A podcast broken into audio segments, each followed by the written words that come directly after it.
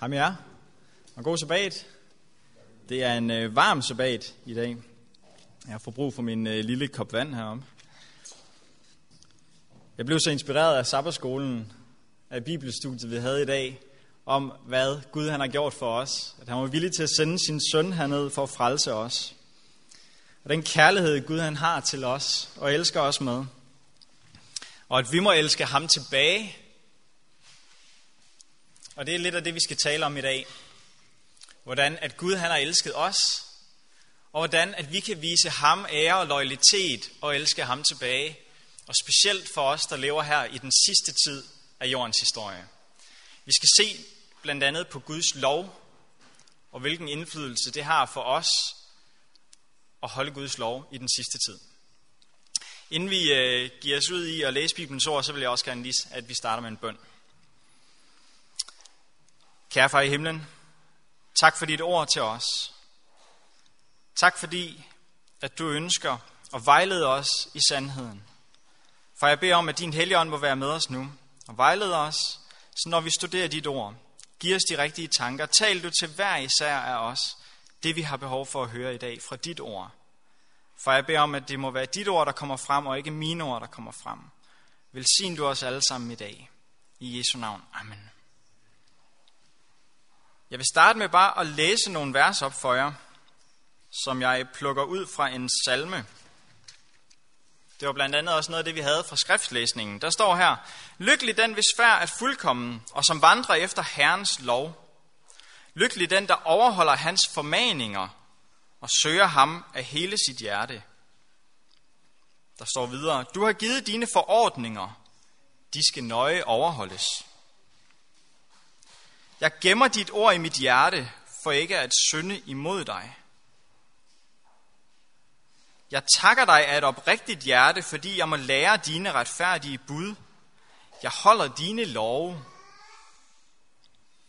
Der står videre her, jeg glæder mig over at følge dine formaninger, som over alverdens rigdom. Jeg grunder over dine forordninger og har dine veje for øje. Jeg opmuntres ved dine love. Der står også her, Herre, vis mig dine loves vej, så jeg vil følge den fuldt og helt. Giv mig indsigt, så jeg overholder din lov. Og salmen fortsætter, uden tøven iler jeg for at holde dine befalinger. Og der står her, den lov, du har givet, er bedre for mig end tusind stykker guld og sølv. Hvad tænker I, når det er, at I hører udpluk for den her salme. Hvordan har du det med Guds lov? Har du det ligesom salmisten skrev her, at du elsker Guds lov, giv mig dømmekraft og kundskab til at følge dine befalinger, og at Guds lov er mere værd for dig end tusind stykker guld og sølv? Hvordan har du det med Guds lov? Jeg vil gerne tage med til en tekst fra 5. Mosebog, vi skal bruge Bibelen flittigt i dag, så jeg håber, du har den med. 5. Mosebog. Du skulle gerne selv kunne se det fra Bibelens ord i dag, det vi skal studere sammen. 5. Mosebog, og du kan slå op til kapitel 6. I kapitel 5 i 5. Mosebog, der har vi en gentagelse af den episode, hvor at Gud giver de 10 bud til Israels folk. Så vi har, at Gud giver loven til Israels folk. Og vi skal læse her i 5. Mosebog kapitel 6 og fra vers 5 af. Der står her, i lige relation til, at Gud har givet de ti bud. Der står, Derfor skal du elske Herren din Gud af hele dit hjerte, og af hele din sjæl, og af hele din styrke.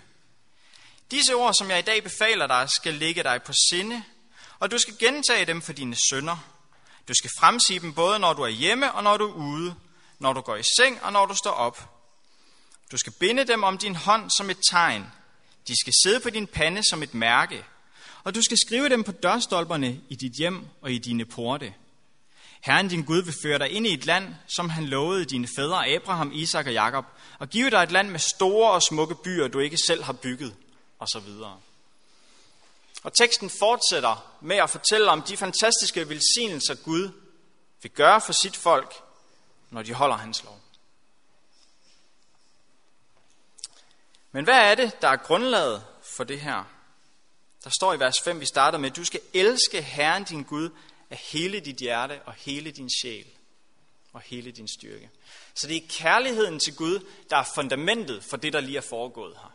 Kan I følge det? Gud har lige givet sin lov. Det næste, han siger, derfor skal du elske Herren din Gud af hele dit hjerte, og hele din sjæl og hele din styrke. Og så kommer det, hvilken indflydelse det har på dit private liv. Der står her videre, så som baggrund for, at vi skal elske Herren din Gud af hele vores hjerte og holde hans bud, så står der, disse ord, som jeg i dag befaler dig, skal du ligge på sinde. Så det betyder, at det skal betyde noget for os. Du skal gentage dem for dine sønner. Det er altså noget, at vi skal give videre til vores børn. Du skal fremsige dem både når du er hjemme og når du er ude.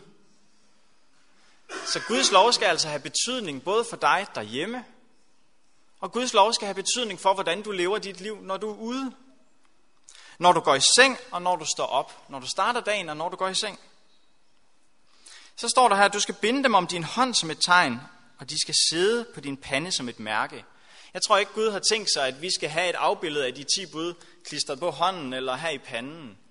Men det betyder, at i alt, hvad du gør, og i alt, hvad du tænker, der skal Guds lov være et fundament for, hvad du gør og hvad du tænker. Og der står, at du skal skrive dem på dørstolperne i dit hjem og i dine porte. Det betyder, at når folk de kommer til dit hus, der hvor du bor, så skal de kunne se, at dit hjem, dit hus, er ledsaget af Guds ord og af Guds lov. At det er det, der er fundamentet. Okay. Det her det er altså ret praktisk. Guds lov er ikke givet til os som en eller anden teori, at vi har 10 bud, der er skrevet på nogle stentavler, og så kan vi lægge dem i pagtens ark, og så er det det. Det var ikke det, der var hensigten med Guds lov, dengang han gav dem til Israels folk. Det var praktisk, dagligdags ting, hvordan vi lever vores liv. Det skal være fundamentet for, hvordan vi kan leve vores liv. Gud er altid praktisk. Gud ønsker, at det skal afspejles i vores liv. Og hans lov ønsker han, at det skal afspejles i vores liv. Men det er ikke så længe siden, at jeg fik kommentaren eller spørgsmålet fra en af mine kristne venner, der sagde, jamen de ti bud, det er jo i det gamle testamente. At den lov ikke kun for jøderne dengang. Lad os prøve at se, hvad Jesus har at sige til det i Matteus evangeliet kapitel 5. I Matteus evangeliet kapitel 5, prøv at gå med mig der. Der har vi en del af bjergprædikenen. Og vi er enige om, at Matteus evangeliet, det er det nye testamente. Argumentet er jo ligesom, at loven skulle kun holdes i det gamle testamente. Det var for jøderne dengang. Men lad os prøve at se, hvad Jesus han siger i det nye testamente. Han har en lille tale om loven her midt i bjergprædikenen. Matteus evangeliet kapitel 5, og vi skal læse fra vers 17 af. Der siger Jesus her i vers 17. Tro ikke, at jeg er kommet for at nedbryde loven eller profeterne. Jeg er ikke kommet for at nedbryde, men for at opfylde. Sandelig siger jeg, før himmel og jord forgår, skal ikke det mindste bogstav eller en eneste tødel forgå af loven, før alt er sket. Den, der bryder blot et af de mindste bud og lærer mennesker at gøre det samme, skal kaldes den mindste i himmeriget. Men den, der holder det og lærer andre at gøre det, skal kaldes stor i himmeriget. Så hvad er det, Jesus han siger her? Han siger, at han er ikke kommet for at nedbryde loven.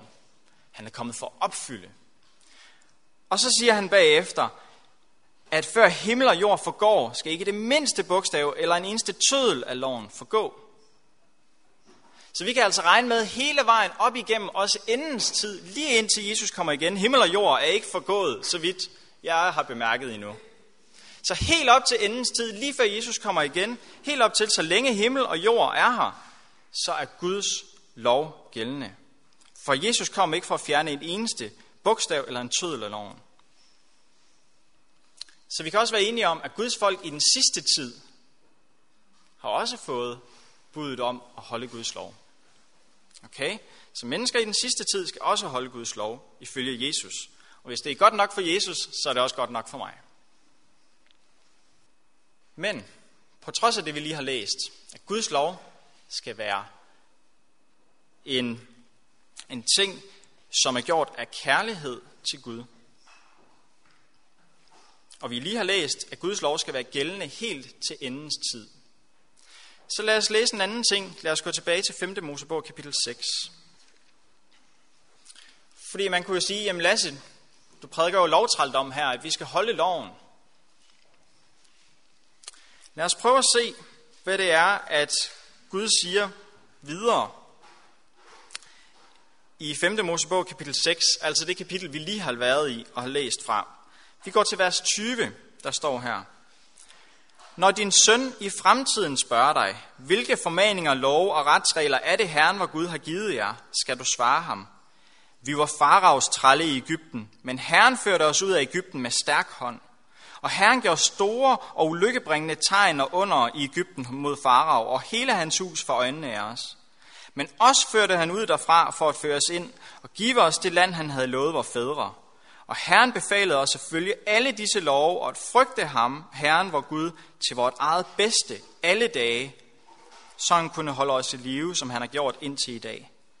Vores retfærdighed består deri, at vi for Herren vor Guds ansigt omhyggeligt følger hele denne befaling, sådan som han har pålagt os.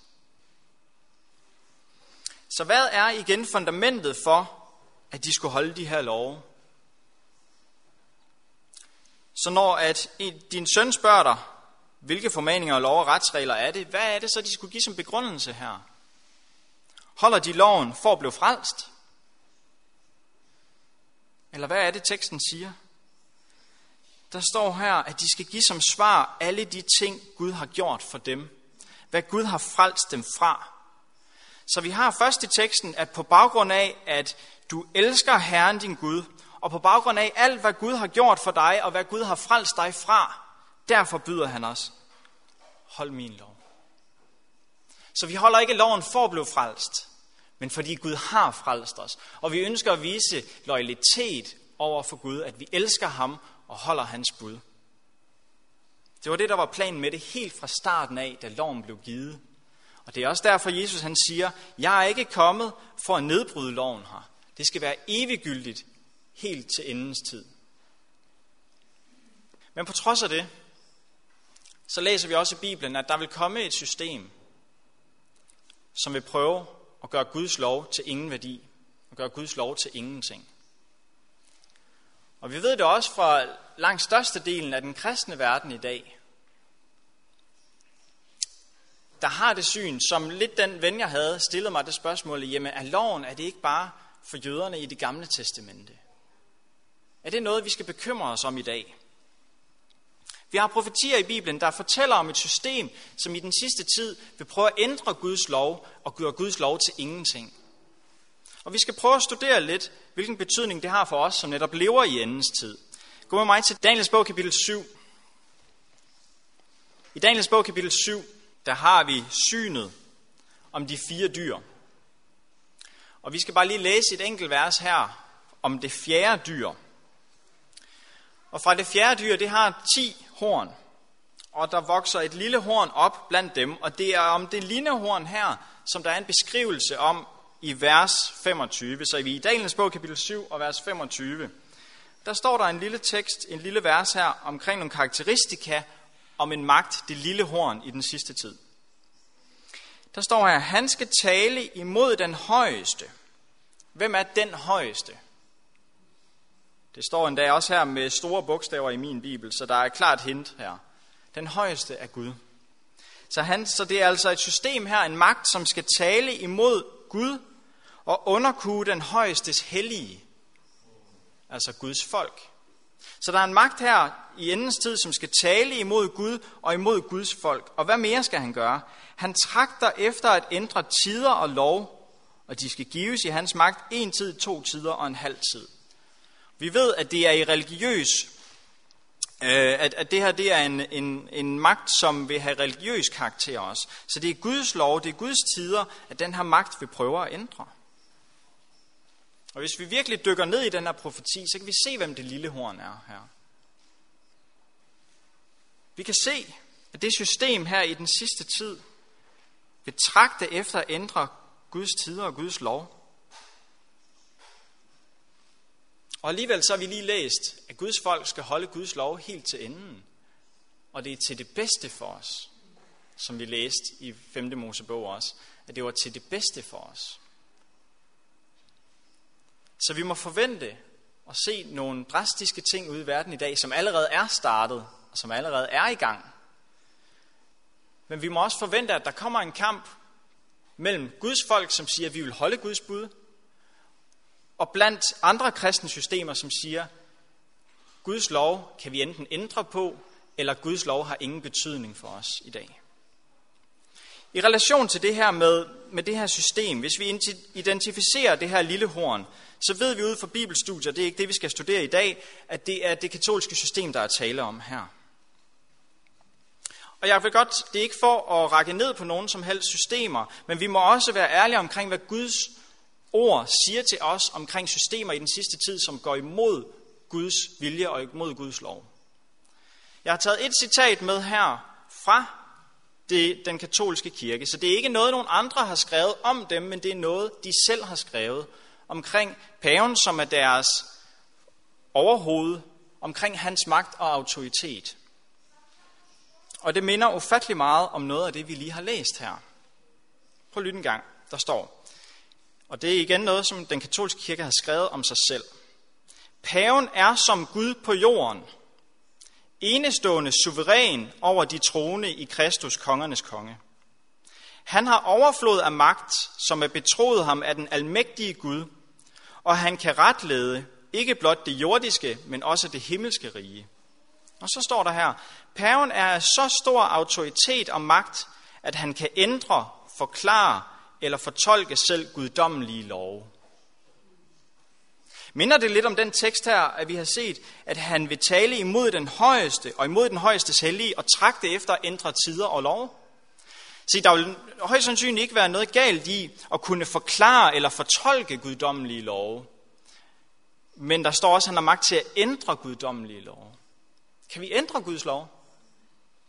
Nej. Vi kan ikke ændre Guds lov. Og jeg synes, det her citat, vi lige har læst, der er en anden bibeltekst, der taler meget stærkt lige ind i det her citat, som har betydning for vores tid. 2. Thessalonika brev, kapitel 2. 2. Thessalonika brev, kapitel 2. Så vi skal i T-sektionen af brevene her. 2. Thessalonika brev, kapitel 2. Jeg håber, I er med mig så langt. 2. Thessalonika, kapitel 2, og vi skal læse fra vers 3 af. Og der er tale om lovløshedens menneske og antikrist i den her tekst. Så det er altså også noget, som vi vil kunne forvente her i den sidste tid. Der står her fra vers 3 af, Lad ingen på nogen måde forlede jer. Først skal nemlig frafaldet komme, og lovløshedens menneske åbenbares, fortabelsens søn. Og det er altså modstanderen, der ophøjer sig over alt, hvad der hedder Gud og helligdom. Så at han sætter sig i Guds tempel og udgiver sig selv for at være Gud. Lyder det ikke ret slående som det citat, jeg lige har læst op? Med at paven er som Gud på jorden, og at han sætter sig i Guds tempel og udgiver sig selv for at være Gud og have den autoritet, at han kan ændre selv guddommelige love. Vi bliver advaret mod det her system. Lovløshedens menneske. Hvis vi slår det her ord op, lovløshedens menneske, originalt i teksten, der betyder det lovløs. En, der distancerer sig fra loven. En uden lov. En, der gør loven til intet. Lovløs. Og der står videre her i vers 9, skal vi læse. Den lovløses komme er satans værk. Så vi ved altså det her med, at et system, der distancerer sig fra Guds lov, eller gør Guds lov til intet, det er satans værk. Og sker ved al kraft og med løgnetegn og løgneunder. Og så står der noget vigtigt. Og med al uretfærdighedens bedrag over for dem, der fortabes, fordi de ikke har taget imod kærlighed til sandheden, så de kunne blive frelst. Så vi får altså at vide her, at det her system vil bedrage nogen. Men hvad er midlet imod det? Hvad står i modsætning til dem, der bliver bedraget i den her tekst? Det er dem, der har taget imod kærlighed til sandheden. Okay. Kærlighed til sandheden står jeg altså i kontrast til dem, der bliver bedraget af det her system. Lovløshedens menneske, der siger, Guds lov kan vi ændre på, eller Guds lov kan gøres til intet. Vi skal ikke holde Guds lov. Har du taget imod kærlighed til sandheden? Vi snakker ikke om, at du ved nogle teologiske sandheder, du ved, hvad der er rigtigt og forkert i forskellige teologiske henseender. Det er ikke det, vi snakker om. Vi snakker om, har du taget imod kærlighed til sandheden? Det er dem, som vil blive frelst ifølge den tekst her. Vi har hele vejen op igennem Bibelen, at det handler om kærligheden til Gud og loyaliteten over for Gud, præcis ligesom vi havde i 5. Mosebog. Det var kærligheden til Gud, loyaliteten over for ham, fordi han har frelst os, derfor ønsker vi at holde Guds bud. Og det er Bibelens tekster fyldt med. Vi skal læse fra åbenbaringens bog. Gå med mig til åbenbaringens bog, kapitel 14. Hele åbenbaringens bogens tema handler om tilbedelse, og hvem vi viser loyalitet, hvem vi tilbeder. Vi skal igen se, at det udspringer af kærlighed til Gud. I åbenbaringens bog, kapitel 14, der har vi den første engels budskab i vers 7, hvor der står, Frygt Gud og giv ham æren, for timen er kommet, da han dømmer. Tilbed ham, som har skabt himmel og jord og hav og kilder. Så her er der et, her er der et kald til tilbedelse. Det handler om tilbedelse, hvem vi viser loyalitet. Og i modsætning til det har vi i den tredje engels budskab en advarsel om at tilbede dyret og dens vej i det 9. vers. Og en tredje engel fulgte efter dem og sagde med høj røst, hvis nogen tilbeder dyret og dets billede og sætter dets mærke på sin pande eller hånd, skal han også drikke Guds hammesvin, skænket ufortyndet i hans vredesbæger. Så her der har vi modstykket. Det handler om tilbedelse af den sande Gud, eller tilbedelse af dyret og det falske system, som vil gøre det af med Guds lov, eller som har autoritet, siger de, til at ændre Guds lov. Kan du se, hvorfor Guds lov er så vigtig her i den sidste tid? Det handler om loyalitet over for Gud. Hvilken side ønsker vi at vælge? Ønsker vi at følge Guds lov, fordi Gud han elsker os, og fordi han har frelst os, og vi viser loyalitet over for ham? Eller ønsker vi at vælge dyrets side? Hvad er det, der er midlet her i åbenbaringens bog, kapitel 14? Hvad er det, der er nogle karakteristika på det Guds folk, som er trofaste helt til enden? Det står i vers 12 i åbenbaringens bog, kapitel 14 og vers 12. Der står der, her kræves der udholdenhed af de hellige, dem som holder fast ved Guds bud og troen på Jesus. Her har vi igen præcis det samme, som vi så i 5. Mosebog. At det er troen på Gud og hans kærlighed til os, at han har frelst os, og Guds bud, de hænger sammen. Her i den sidste tid har vi igen, at Guds trofaste hellige folk, det er dem, som holder Guds bud og har troen på Jesus. Det er de to samme karakteristika. Troen på Gud, at han har elsket os, og vi elsker ham tilbage, og ønsker at vise loyalitet over for ham ved at holde hans bud. De to, de hænger sammen. I kapitel 12 i åbenbaringens bog har vi præcis det samme. Den slutter her af i vers 17. Åbenbaringens bog, kapitel 12 og vers 17. Jeg skal ikke engang bladre i min bibel. Der står her. Og dragen, som vi ved er Satan, rasede mod kvinden, som vi ved er kirken, og gik hen for at føre krig mod hendes øvrige børn, som holder fast ved Guds bud og ved Jesu vidnesbyrd. Igen har vi teksten om, at troen på Jesu, Jesu vidnesbyrd og Guds bud hænger sammen i den sidste tid. Og det er karakteristikerne på de mennesker, som er Guds hellige i den sidste tid. Venner, Guds lov er vigtig for os i den sidste tid. Og jeg siger det her, fordi Bibelen kommer med beretninger omkring, at i den sidste tid her vil der komme større og større og større bedrag om at kalde os til et system, som har sat Guds lov ud af kraft, eller har ændret Guds lov. Vi må vælge i dag at stå på den rigtige side, stå på Guds side og tilbede ham som frelser, fordi alt, hvad han har gjort for os, og vise loyalitet over for ham i den sidste tid. Lad os gå til en anden tekst. I Matteus evangeliet kapitel 15, der har vi en meget klar tekst fra Jesus. Et meget klart eksempel fra Jesus om, hvad der sker, når det er, at menneskelige autoriteter, menneskelige tanker, menneskelige overleveringer eller regler kommer i konflikt med Guds lov. Hvad er det så, der skal vinde? Det har vi et meget klart eksempel på her i Matteus evangeliet kapitel 15. Der står her fra vers 3 af. Men han svarede dem, Hvorfor overtræder I selv Guds bud for jeres overleveringers skyld? Så her der taler Jesus altså til nogen, der overtræder Guds bud på grund af deres egne overleveringer og deres egne traditioner. Han fortsætter videre i vers 4. For Gud har sagt, er din far din mor, og den, der forbander sin far eller sin mor, skal lide døden.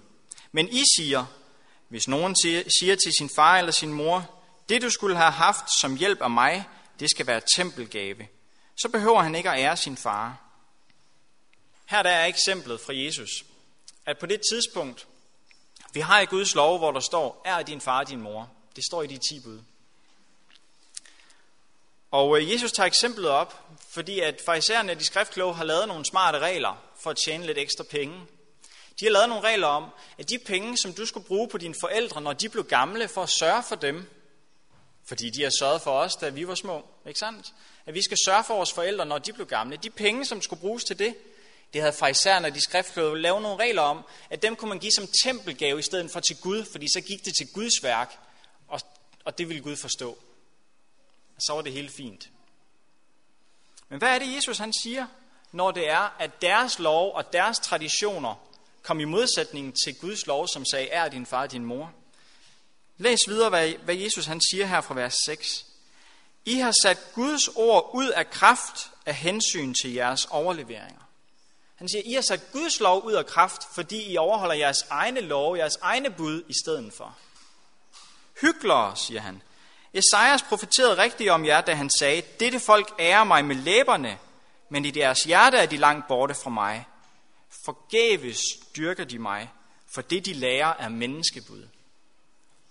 Så vi har altså en klar tydelig situation, at når det er, at vi ser et system her på jorden, som siger, at vi har autoritet her på jorden til selv at lave love, regler og traditioner, som går imod Guds lov, så ved vi, at hver gang er det Guds lov, der skal vinde. For ellers vil Jesus kalde os hyklere og sige, at vi sætter Guds ord ud af kraft af hensyn til vores egne overleveringer og vores egne idéer. Så Jesus siger til os, det er altid Guds lov, der skal vinde i den her sag. Det er Guds ord, som skal være det vigtigste. Og alligevel får vi beskrevet, at der er de her to grupper af kristne i den sidste tid. Der er dem, som siger, vi vil holde Guds bud og være lojale over for Gud, uanset hvad. Og dem, som siger, vi kan ændre Guds lov, eller Guds bud gælder ikke for os. Og der er også den her konference, der snart skal være, som jeg tror er et led i det her ude i verden, her den 16. juli. Jeg ved ikke, om du har læst om den konference, der skal være over i USA.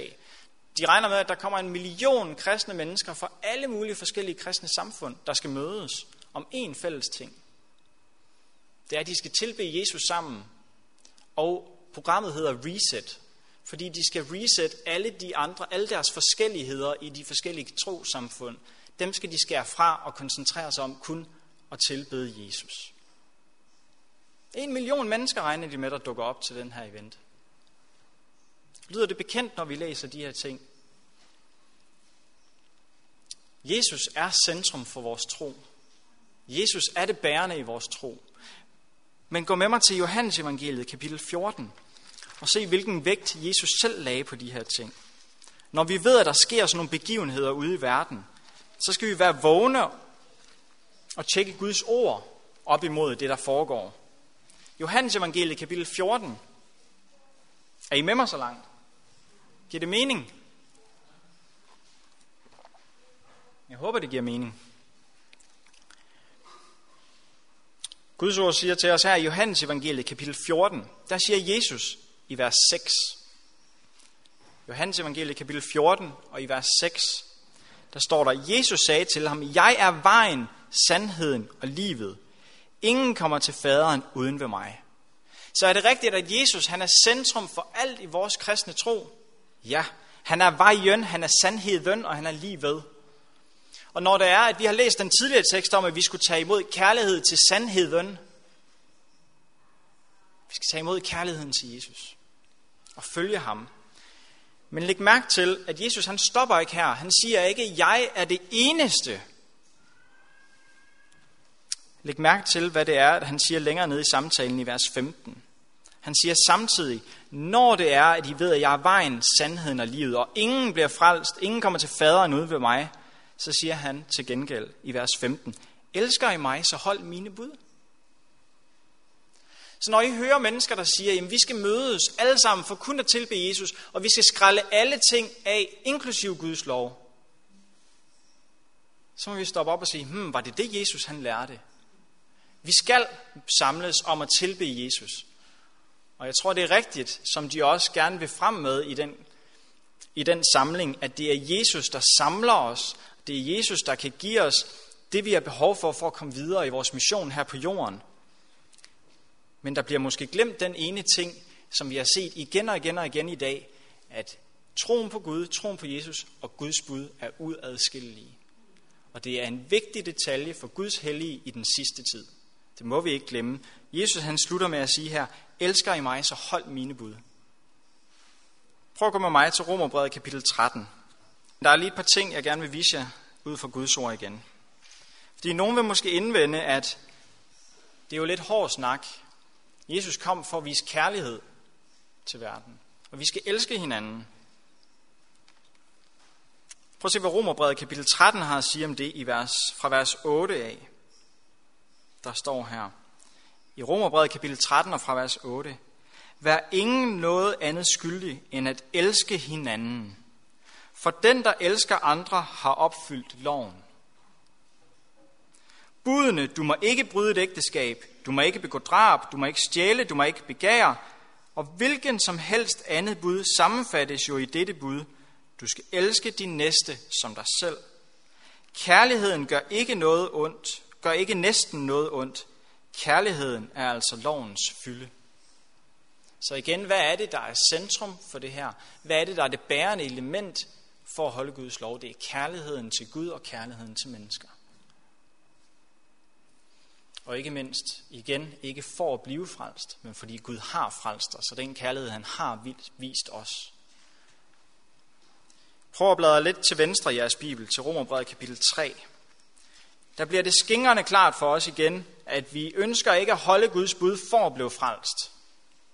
Det er ikke det, vi taler om, men fordi Gud har frelst os.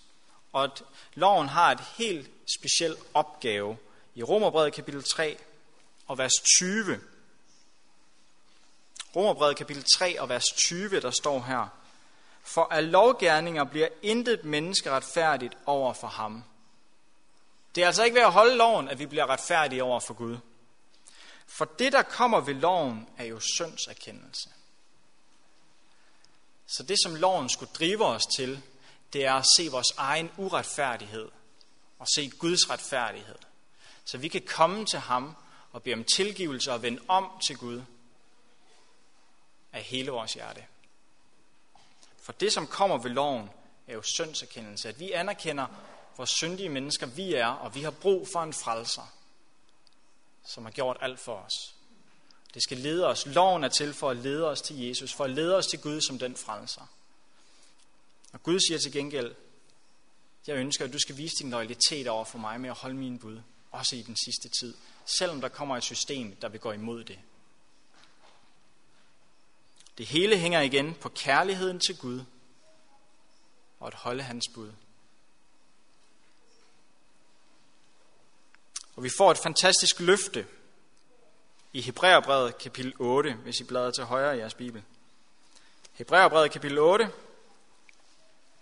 og vi skal læse fra vers 10 af. Hebræerbrevet kapitel 8, og der skal vi se noget, som bliver gentaget, som er taget fra Jeremias' bog, hvor det er, at der bliver givet et løfte.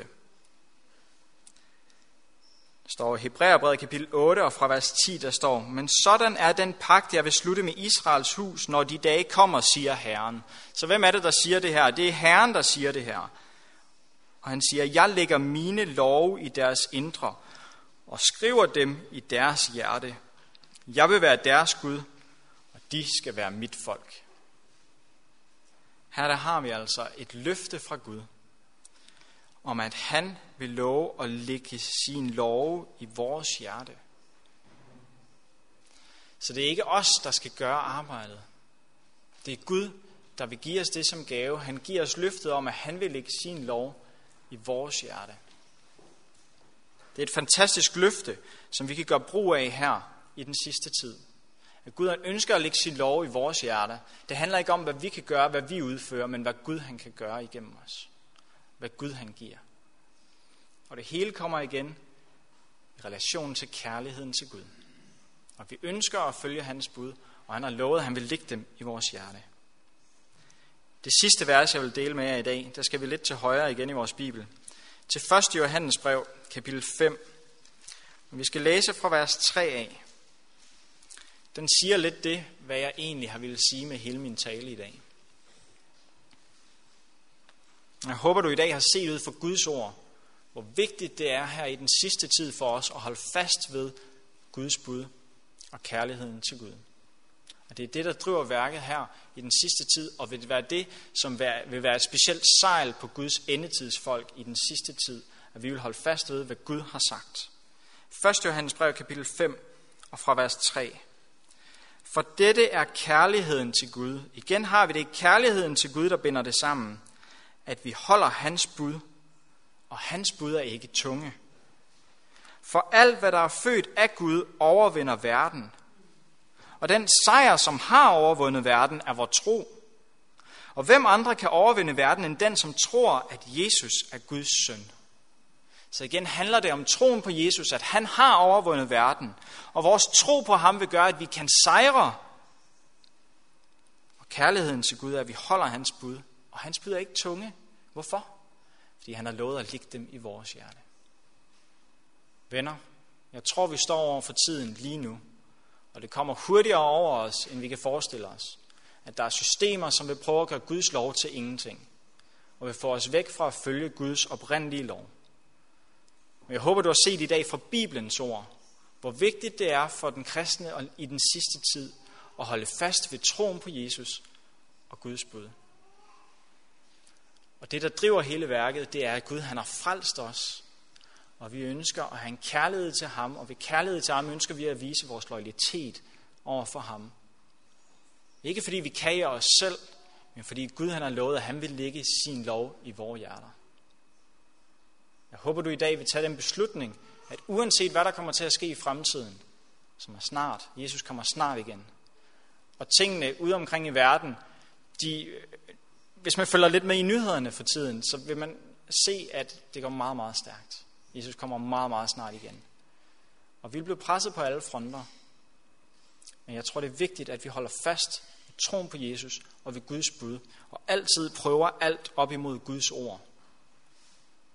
For så bliver vi lovet, at vi kan sejre ved den tro, fordi Jesus har overvundet verden. Jeg håber, du i dag vil tage den beslutning og være tro mod Gud og hans lov i alle ting i dit liv her i den sidste tid. Og Gud har til gengæld nogle fantastiske løfter for os om en fremtid, hvor vi i en evighed skal være sammen med ham. Og jeg er sikker på, at vi også skal holde Guds lov i himlen. Lad os bede sammen.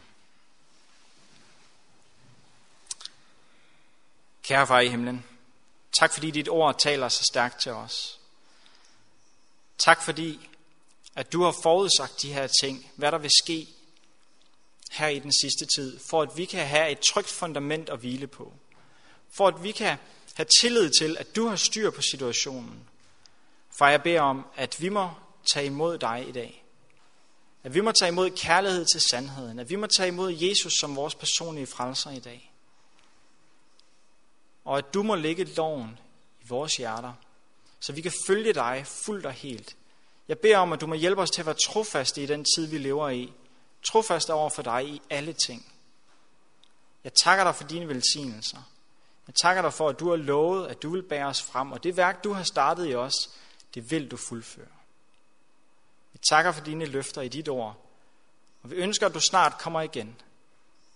Og vi beder om, at vi må kunne være med til at give budskabet om frelse af Jesus til alle, og specielt os her i København. Jeg beder om, at vi må kunne gøre det på rigtig måde. Og give dem budskabet om, at vi kan følge dig og følge dine bud, på trods af, hvad andre siger. Det beder vi om i Jesu navn. Amen.